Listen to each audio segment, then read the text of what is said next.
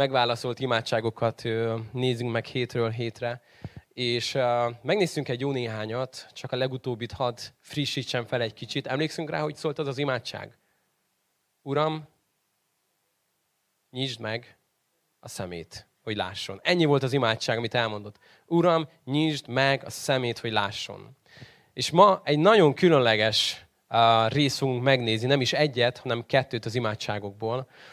Egy nagyon különleges embernek az életéből. Nagyon sok imádság van leírva a Bibliában, hogy ha kinyitod a Zsoltárok könyvét, akkor elég gyorsan találsz akár 150-et közülük, de ezeknek egy jó nagy része vagy nagyon nagy örömben, vagy nagyon nagy nehézségben íródott. Elég kevés Zsoltál íródott úgy, mikor Dávid éppen unatkozott. Legtöbbször olyat olvasol, hogy Dávid Zsoltára abból az időből, amikor az Isten minden ellensége kezéből megszabadította őt. Na ma nem egy ilyet fogunk nézni. Ma egy olyat fogunk nézni, olyan Zsoltár részleteket, amik nagyon mély időszakaiban íródtak Dávidnak.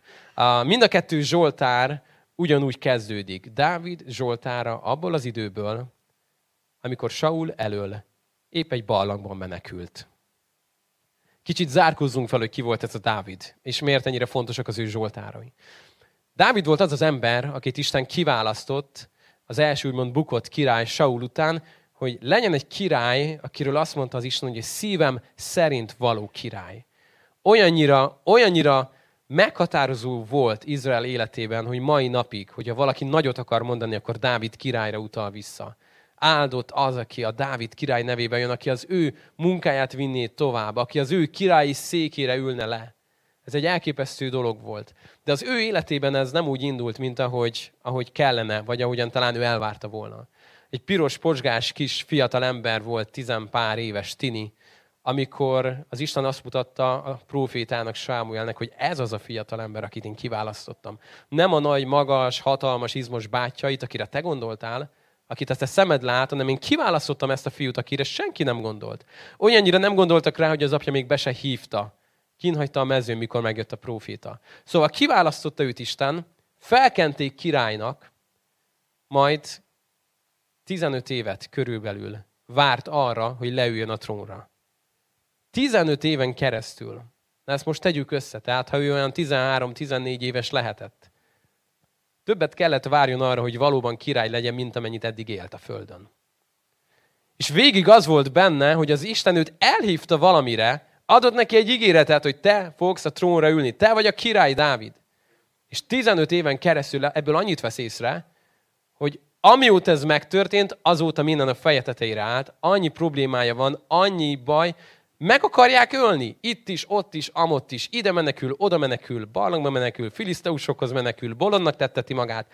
Elképesztő dolgokat tett. És ez a Zsoltár, amiben ma belepillantunk egy kicsit, ez pont egy ilyen időszakából való. Én annyira hálás vagyok azért, hogy ezek, ezek lelettek nekünk írva. Hogy nem csak annyit tudunk, hogy hát nem tudjuk, milyen volt ez a Dávid, annyit tudunk róla, hogy Isten szíve szerint való volt, hanem tudjuk azt, hogy milyen volt a szíve. Ugyanis beenged minket az ima naplójába. Leírta ezeket az imádságait, amiket az Istennek elmondott. És uh, nem tudom, hogy milyen élethelyzetben vagy most. Lehet, hogy éppen azt érzed, hogy most jött el annak az ideje, hogy ülsz úgymond a királyi trónon, beteljesültek az ígéretek, és jó az Úr, tágos térre vitt ki téged, akkor sem menj haza, áldja meg téged az Úr, örülj ennek, aminek most vagy, és, és, és hiszem azt, hogy így is fog hozzád szólni ez az üzenet, de, de szeretném, hogy akkor nagyon figyelném az Istennek a szavára, hogyha úgy érzed, hogy te most el vagy csüggedve. És, és úgy eleged van. Mindenből. Az életből. Mindenkiből. Minden egyes emberből. Eleged van még ebből a napból is. Még belőlem is, a gyülekezetből, mindenből. És azt mondod, hogy neked most úgy kész, vége mindennek. És, és nincs kedved a folytatáshoz. Tudod, hogy folytatni fogod, tudod, hogy holnap is elmész dolgozni, tudod, hogy holnap is kicseréled azt a pelenkát, de elfogytál és úgy eleged van. És nem érted, hogy Isten hol van, nem érted, hogy, hogy miért nem jön, miért nem teljesíti az ígéretét. Ha így vagy ezzel, akkor hiszem, hogy ez az ige most nagyon fog hozzád szólni. Hogyha van nálad Biblia, akkor kérlek vedd elő. A kettő Zsoltár az, amire fókuszálni fogunk. Az egyik a 142-es Zsoltár, a másik pedig a 57-es. Hogyha szeretnéd őket kikeresni, akár otthon tanulmányozgatni, az 57-es és a 142-es Zsoltár is. De hadd mondjam el, hogy Igazából csak kettőt kiválasztottam, mert rengeteg Zsoltára kezdődik Dávidnak úgy, hogy abból az időből, amikor épp körülvették ellenségei, abból az időből, mikor megint menekült, szóval nagyon sokszor megtörtént az életében. Ami közös ezekben a Zsoltárokban, néhány, néhány igeverset szeretnék veletek megosztani, kiemelni. Azt mondja Dávid, ennyire őszintén, 142. Zsoltár 5. verse. Elveszett minden menedékem. Senki sem törődik velem.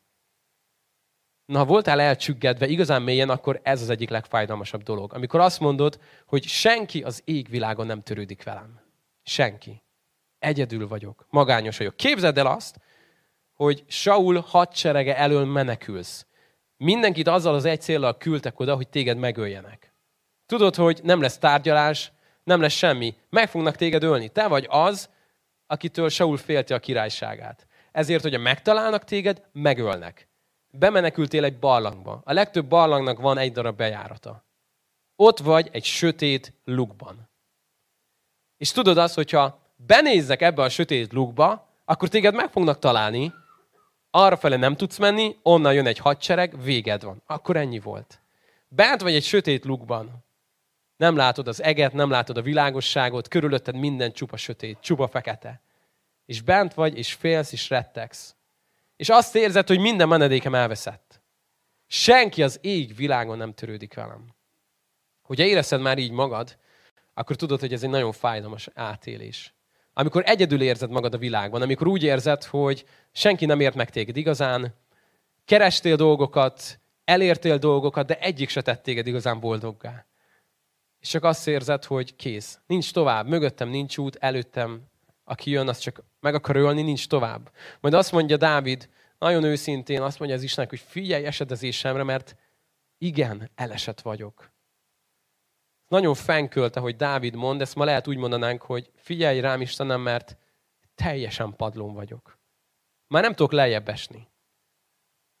Lejöttem az életről. Nem tudom, hogy tudnánk ezt még ma jobban mondani. Kész, végem van. Már arra sincs erőm, hogy akarjak más csinálni, hogy akarjak felállni. Teljes vége, kész. Nem, próbáltam megváltozni, próbáltam ilyet, nem tudok. Képtelen vagyok rá. Be vagyok szorítva, zsákutcába vagyok. Elcsüggettem. De emlékeztek, azt beszéltük, hogy ez a Dávid, ez Isten szíve szerint való férfi volt. És az egyik titok, hogy hogy lehetett ez az ember Isten szíve szerint való, az a következő mondatban van, amikor az van megírva, hogy amikor elcsügged a lelkem, te akkor is ismered az én utamat. Szóval képzeld el azt, hogy ott vagy jó esél az életed végén, teljesen elcsüggedve. Nem érted az életed, nem érted Isten, nem érted semmit. De azt ki tudod mondani, hogy Uram, amikor elcsügged a lelkem, te akkor is ismered az utamat. Nagyon sok embert láttam már úgy megtérni, amikor élete mély pontján volt. És nem látta még a kiútat, nem látott semmit, csak annyit érzett, hogy az Isten nagyon közel jön hozzá, és annyit mondott neki, hogy ismerlek téged. Neveden hívlak. És sokan hívnak minket a nevünkön. Azt mondták sokan, hogy az életben a legszebb szó, amit hallunk, az a saját nevünk, mert, mert szeretjük hallani, amikor minket megszólítanak emberek. De de amikor Isten megszólítja a nevedet, az egészen más. Amikor azt érzed, hogy a nevemen szólított, és beleremeg a szíved, lelked abba, hogy a nő megszólít téged. És hogy el vagy csüggedve most, akkor hadd mondjam ezt, az első dolog, amit meg kell értened, az az, hogy attól, hogy te most el vagy csüggedve, attól még az Isten ismeri a te utadat tudja azt, hogy hol vagy. És tudod, ez volt az egyik első dolog, amit Isten el akart mondani a népének, mikor a rabszolgaságból ki akarta őket hozni Egyiptomból. Azt mondta Mózesnek, Mózes, ismerem a népem fájdalmát. Láttam a nyomorúságát. Ez egy nagyon fontos mondat, mert mikor benne vagyunk nehézségeben, akkor sokszor azt érezzük, amit Dávid, hogy Uram, senki nem törődik velem, senki nem ért meg, és azt mondja az Isten, tudom, hogy mibe vagy benne. És lehet, hogy megosztottad már valakivel, és annyit mondtak, hogy ennyi, hát ez nem is olyan nagy dolog. Mit, mit kellett tőle úgy oda lenni? De a te szíved beleremeg, amikor Isten azt mondja, hogy én tudom, tudom, hogy mibe vagy benne. Ismerem a te utadat. Ismerem a fájdalmadat. És nem lép túl rajta az Isten. Jézus ott van Lázár sírjánál, tudva azt, hogy néhány perc múlva kijön Lázár élve és mégis együtt sír a gyászolókkal, mert ismeri a fájdalmukat. Ez egy óriási dolog. És amikor elcsüggedünk, akkor az egyik, egyik nagy faktor, ami okozza a mi csüggedésünket, az az, hogy mire nézünk. Dávid ott volt bent, azt látta mögöttem barlang, felettem barlang, alattam barlang, előttem egy hadsereg. Mindig erre gondolok, és végem van. Jeremiás siralmai, ez jól hangzik, nem? Hogy van egy ilyen könyv a Bibliában, hogy Jeremiás siralmai. Nem tudom, milyen gyakran szoktad fellapozni, de nagyon mély üzenetek vannak benne. Azt mondja Jeremiás, mikor látja a romlást, a pusztulást, és egyszerűen, egyszerűen kész, teljesen vége van. Azt mondja, hogy mindig erre gondol, és elcsügged a lelkem. Mindig erre gondolok, azt mondja, és elcsügged a lelkem. A csüggedésnek van egy ilyen jelen, jelentőség az életünkben, amikor mindig újra és újra magunkkal foglalkozunk, a problémánkkal foglalkozunk. Mindig erre gondolok, és egyre jobban elcsüggedek. És minél jobban belemegyek ebbe a spirálba, annál jobban fogom tudni magamat sajnálni, annál lejjebb megyek a csüggedés mocsarában. Nem véletlenül van ez a kifejezés magyarul, hogy a csüggedés mocsara. Mert ez egy mocsár. Ez egy olyan mocsár, amiben ha belemegyünk, akkor elkezdünk csüggedni, és megyünk lefele. És minél jobban próbálkozunk, annál jobban süllyedünk, süllyedünk, süllyedünk, és azt érezzük, hogy már minek próbálkozzak. Megmozdulok, csak lejjebb megyek ebben. Az élet egyre rosszabb, egyre szürkébb. Kinézel, látod, hogy minden körül a jó időnek, te meg azt mondod, hogy minek örülnek. Úgyis mind meghalunk. Mi ez az élet? Semmi. Nem számít. Semmi nem számít. Emlékszek arra, amikor egyszer életemben nagyon el voltam csüggedve, és mentem a busszal, és láttam mosolygós embereket, és mérges voltam rájuk. Mit örültek? Mit? Hogy lehet jó az élet? Az élet rossz. Az élet nehéz. Ezt mondja Jeremiás, hogyha mindig erre gondol a lelkem, akkor egyszerűen elcsügged. Hogyan lehet még elcsüggedni? Zsidókhoz írt levél azt mondja, lelketekben megfáradva el ne csüggedjetek. Úgyis el tudsz csüggedni az életedben, hogy egyszerűen elfáradtál. Mindig túl sokat szedtél ki az életedből, és so, túl keveset raktál vele. Szolgáltál, szolgáltál, szolgáltál, de nem törődtél az atyával. Ő nem töltött fel téged, nem volt vele időd. És ezt bírjuk egy ideig. Bírta, ugye, Toldi is, egy ideig. És aztán eljön az a pont, amikor elfáradsz. És itt nem arról beszélek, hogy azt mondja valaki, hogy figyelj, menj haza, pihent ki magad, aludj egy jót, holnap jól leszel. Arról az elfáradásról beszélek, amikor megfáradsz. Kifáradsz, és úgy érzed, hogy kész. Nem bírom tovább. Nagyon sok emberrel, akivel foglalkoztunk, mikor ez történt, azt mondta, hogy nem egy nagy dolog történt most vele, amit meg tud nevezni, hogy miért, miért van ennyire elcsüggedve. Egyszerűen csak az elmúlt tíz év történt vele elfáradt. Nem tudja folytatni. Pedig ugyanannyit kellene, mint tegnap, de nem bírok már ugyanannyit tenni. Kész, végem van. Elfáradtam. És hadd hozzak nektek egy nagyon más hangulatot, jó? Egy hihetetlen más hangulatot hirtelen. Azt mondja egyszer Dávid, kész az én szívem, Istenem, kész a szívem arra, hogy énekeljek, és zengedezzek neked. Első olvasásra azt mondanád, hogy ez egy ilyen győzelmi zsoltárból jön, nem? Dávid Zsoltára abból az időből, mikor az Úr minden ellensége kezéből kimenekítette őt. Dávid azt mondja, ó, halleluja, kész a szívem, Istenem, kész a szívem arra, hogy énekeljek és zengedezzek. Gyerünk lelkem, gyerünk lant, hárfa, keltsük fel a hajnalt. Engem nagyon megdöbbentett, mikor ezt a mondatot az 57. Zsoltárba találtam. Hogy azt mondja Dávid, hogy Uram, végem van. Minden menedékem oda. Körbevettek, itt vagyok egy barlangban, meg fogok halni jó eséllyel. Te hozzád kiáltok, de tudom, hogy te ismersz engem, de uram, mi van most? És jön egy szó, egy héber szó. Szela. Olvastad már? 71-szer megtaláltad a Zsoltárokban. 71-szer ezt az egyszerű szót. Mai napig vitatkoznak a nagyszakállas emberek, hogy mit jelenthet. De hadd mondjam el, hogy szerintem mit jelent. Szerintem azt jelenti, amikor megnyugszol. Lehetett ez egy zenei kifejezés is, a szünet, a megbékélésnek, a megállásnak a szava. De figyelnek, hogy mi történik a szela előtt, és mi történik a szela után. Mindig jön egy váltás. Dávid teljesen kiakad, teljesen kijönti a szívét, hogy Uram, itt van mindennek vége. Majd azt mondja, hogy szela. A következő mondat meg így kezdődik. Uram, kész a szívem. Kész a szívem arra, hogy énekeljek, és hogy zengedezzek neked. Majd azt mondja, hogy szereteted az égig ér, hűséget pedig a magas fellegekig. És nézzéd, mint hogy a két különböző univerzumban jönne ez a, ez a pár mondat, nem? Az előbb még azt mondta, hogy mindennek vége. Azt mondta, hogy Uram, elcsüggettem, elfáradt a lelkem, körbevettek, rám törnek, meg akarnak ölni. Most meg azt mondja, Uram, ha te szereteted az égig ér, hűséged a magas fellegekig. Kapizsgáljuk, hogy miért volt ez az ember az Isten szíve szerint való. Mert megtanulta kiönteni a szívét az Isten előtt, és megtanulta a szelának a jelentését. Azt, amikor megállsz, és azt mondod, hogy oké, okay, én most elmondtam, Uram, hogy mi van bennem, de most elcsendesedek. És odafigyelek rád. És megvallom azt, amit most lehet, hogy nem érzek. Dávid egy sötét ballang leghátsó sarkába behúzódva eddig nem látott semmit, csak a sötét barlangot. Most pedig kinyílt előtte a világ, és a magas eget látja, a fellegeket. Hogyan? Úgyhogy valami belül benne megtörtént. Egy óriási váltás. Amikor azt mondod, hogy hittel kimondom, Uram, hogy a te szereteted az égig ér. A te hűséged a magas fellegekig. És tudod, hogy miért? Mert megértünk valamit az Istenből. Hogy azt mondja az Isten magáról Jeremiás könyvében, hogy felüdítem a fáradt lelket, és megelégítek, olvasd velem együtt, minden elcsüggett lelket. Ezt ígérte meg a népnek.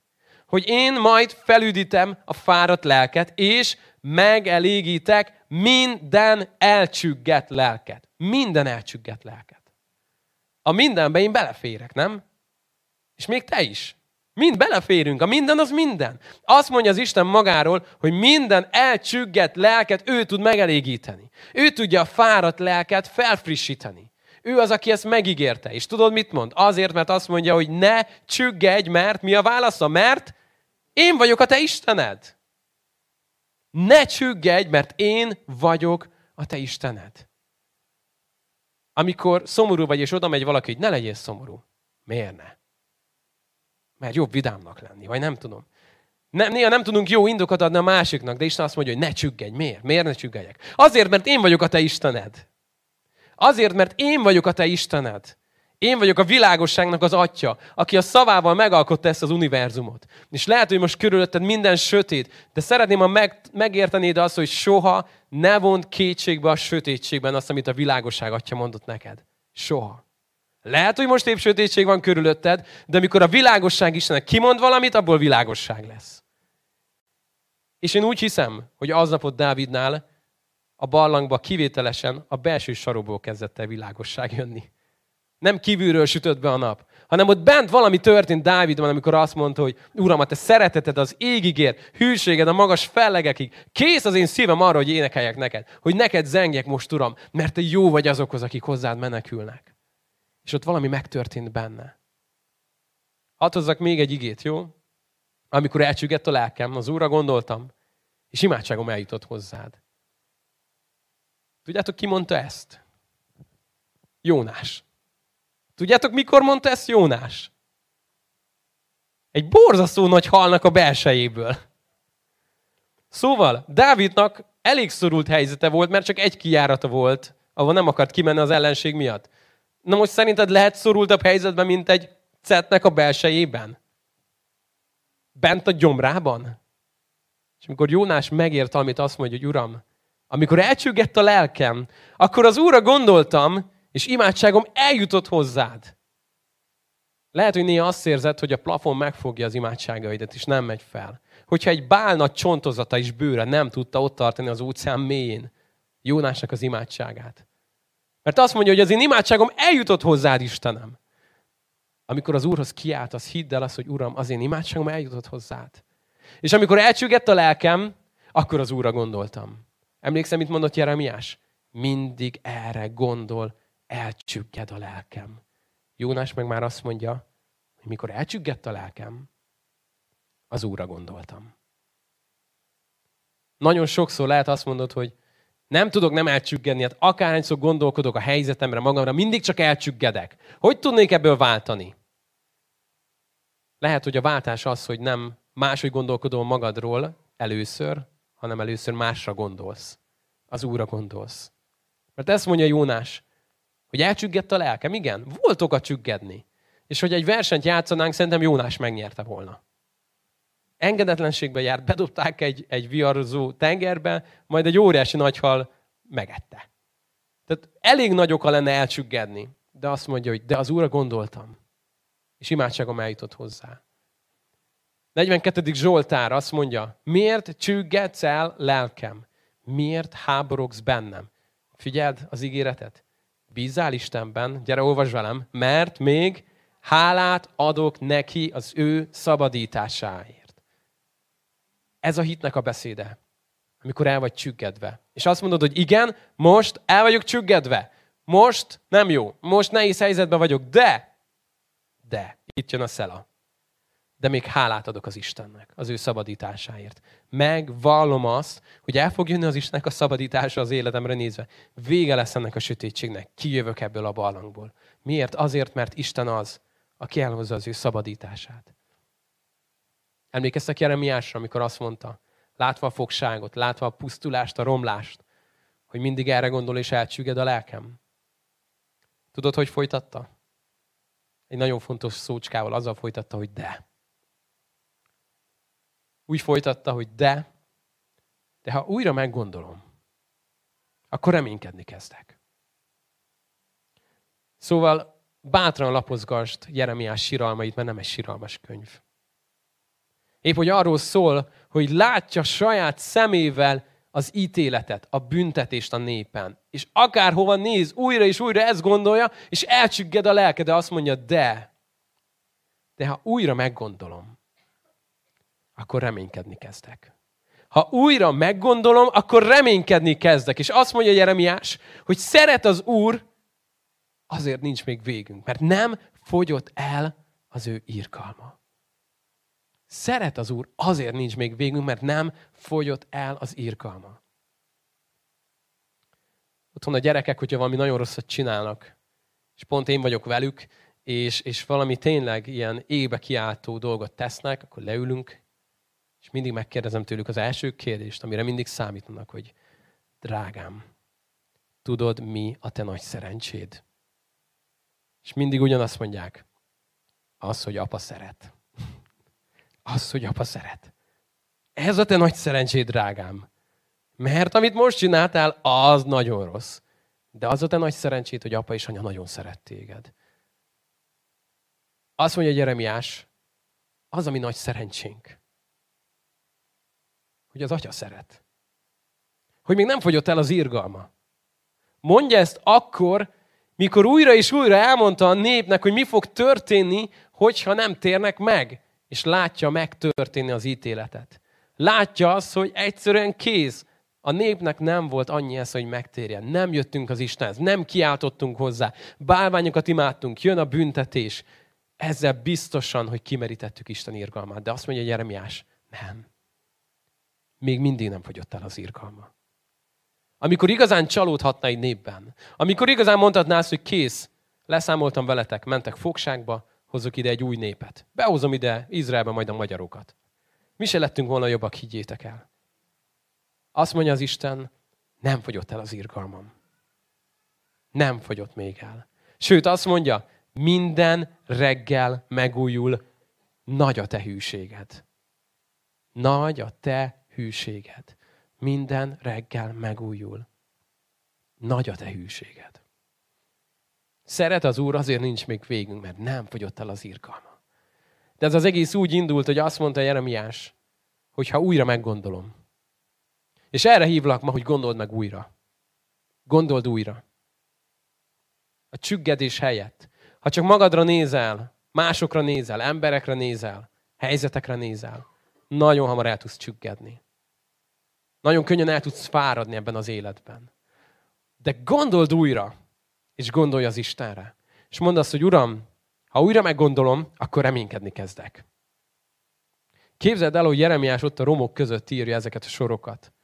És először annyit látsz, hogy ott ülné mellett, hogy potyog a könnye, folyik, és, és zokog, megszaggatja ruháját, és mondja, hogy kész, elcsüggettem, végünk van.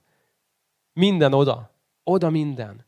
Majd annyit látsz, hogy kicsit törölgeti a szemét, ír valamit, és elkezd mosolyogni. És elkezd csillogni a szeme. És kérdezi, hogy Jeremiás, most mi van? Mit tudsz, amit én nem? Azt tudom, hogy azt mondaná talán Jeremiás, hogy tudod, Barna, újra gondoltam. És reménykedni kezdtem. Reménykedni kezdtem, hogy lesz ebből még valami. És az Isten megígérte, hogy visszahozza majd azt a népet. Megígérte azt, hogy összegyűjti őket a négy égtáj felül, és megtette. Eljött az ő szabadítása. Hálát adtak utána érte. És lehet, hogy most egy nagyon nehéz helyzetbe vagy. De szeretnélek ma arra bátorítani, hogy gondold újra.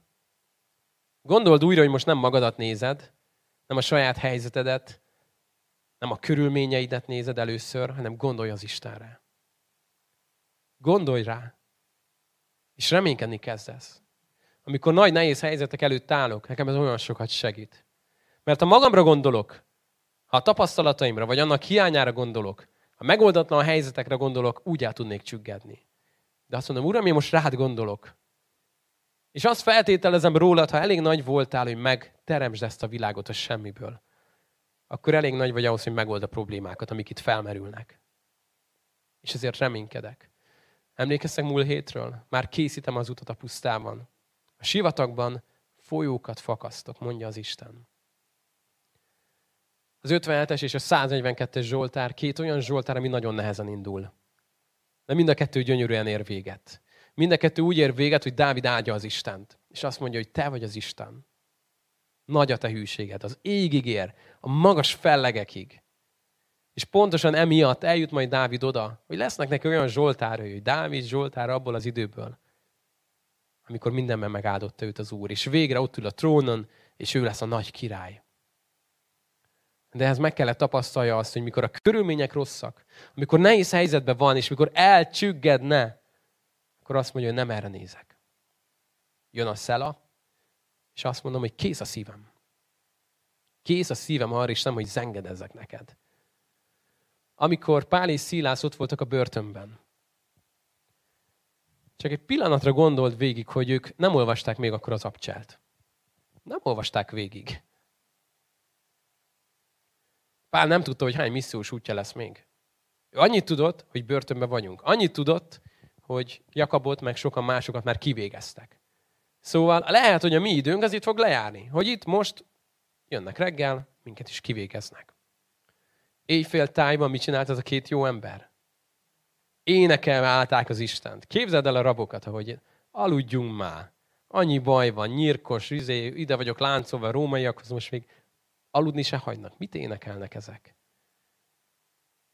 Nem tudom, hogy mit énekeltek, de úgy hiszem, hogy tele volt reménységgel. Tele volt a bizalmuk az Istenben.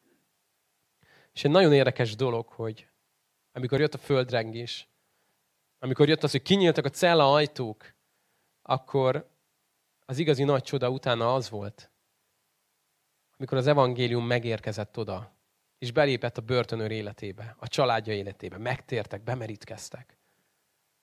És lehet Pál azon gondolkodott, hogy igazából az volt a cél, hogy behozzuk ide az örömhírt. Úgy látszik, hogy most betört. És megérkezett. Nem az volt a nagy dolog, hogy kinyílt a cella ajtó, hanem hogy kinyílt egy embernek a szíve az Isten előtt. Aki látta azt, hogy Pál és Szilász hogyan tudnak ott maradni, hogyan énekelnek, hogyan nem rohannak el, hogyan nem ront rájuk mindenki is öli meg az őröket. Valamit ott tapasztaltak az Istenből. És erre hívlak most, hogy lehet, hogy még ott vagy bent a celládban, de ez ne gátoljon téged abban, hogy az Istennek a nevét áld. Olyan sokszor én úgy gondolkodtam, hogy én majd hálás ember leszek, ha minden helyre kerül. Ha minden jó lesz. Emelje fel a kezét az, aki már járt azon a földön, ahol mindig minden jó. Szeretnék oda egyszer menni, ahol az életben minden egyes dolog tökéletesen a helyén van, és semmi nem lóg ki. Minden hibátlan, minden jó. Én azt látom, hogy mindig vannak dolgok, küzdelmek, emberek, helyzetek, kapcsolatok. Szóval, hogy azon van az ördög, hogy ezt megakadályozza benned, és elérje azt, hogy majd akkor legyél egy hálás ember. Amikor minden jó lesz az életedben. De ha te azt mondod, hogy nem, én ma hittel lépek. És felemelem a tekintetemet az égre, és azt mondom, hogy Uram, kész a szívem. Kész a szívem arra, hogy téged áldjalak. Kész a szívem arra, hogy felemeljem a te nevedet. Nem majd akkor, mikor meglátom a szabadítást, hanem most. Mert ismerlek téged, és tudom, hogy meg fogod tenni. Tudom, hogy megtartod a te ígéretedet. És erre hívlak ma. Ezt szeretném, hogy ma tudnánk meglépni hittel. Akárhol is vagy. hogy a csüggedésből egészen oda gyere a hálaadásig, a dicséretig. Nem csak semlegesség, nem csak egy, egy, egy ilyen semmilyen nap, hogy már nem vagyok elcsüggedve, de még jó kedvem sincs. Isten sokkal tovább visz téged. Hogy azt tud mondani, hogy Uram, kész a szívem. Kész a szívem arra, hogy neked zengek ma. A körülmény még nem volt kész, de a szíve igen. És erre hívlak most, hogy gondold meg újra a helyzetet, amiben vagy. De most úgy, hogy egy kicsit több teret engedsz az Istennek benne. És egy kicsit a kamerádat, a fókuszodat leveszed magadról, átkapcsolsz a selfie kamerából, hogy nem magadat nézd, hanem nézd az Istent.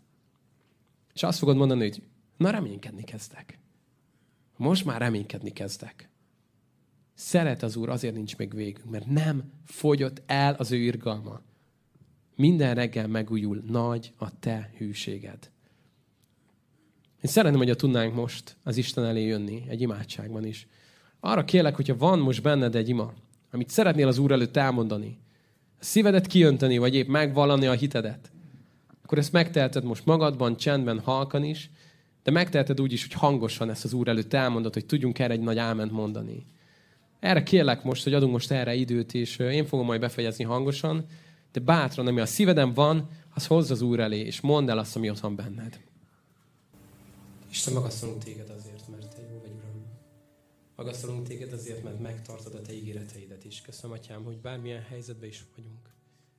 Ezt mondhatjuk a mi szívünknek, hogy ne csüggedj, hogy ne háborog, és ne aggódj, mert még hálát adok az én Istenemnek, az én szabadítómnak. Szeretnénk, Uram, most ezt megvallani, Uram. Szeretnénk, Uram, ezt oda tenni eléd, és kérni, Uram, hogy Te jöjj, és Te vagy, Uram, a szabadító, ezt csak Te tudod megadni, mi nem tudjuk, de Te vagy, Uram, az, akit segítségül hívunk. És Uram, megvalljuk azt, hogy a Te szereteted az égig ér, hűséged a magas fellegekig. Megvalljuk azt, hogy jó az Úr mindazokhoz, akik hozzá menekülnek. Szeretnénk, Uram, ezt most neked elmondani. Amen. Amen. Amen. Amen.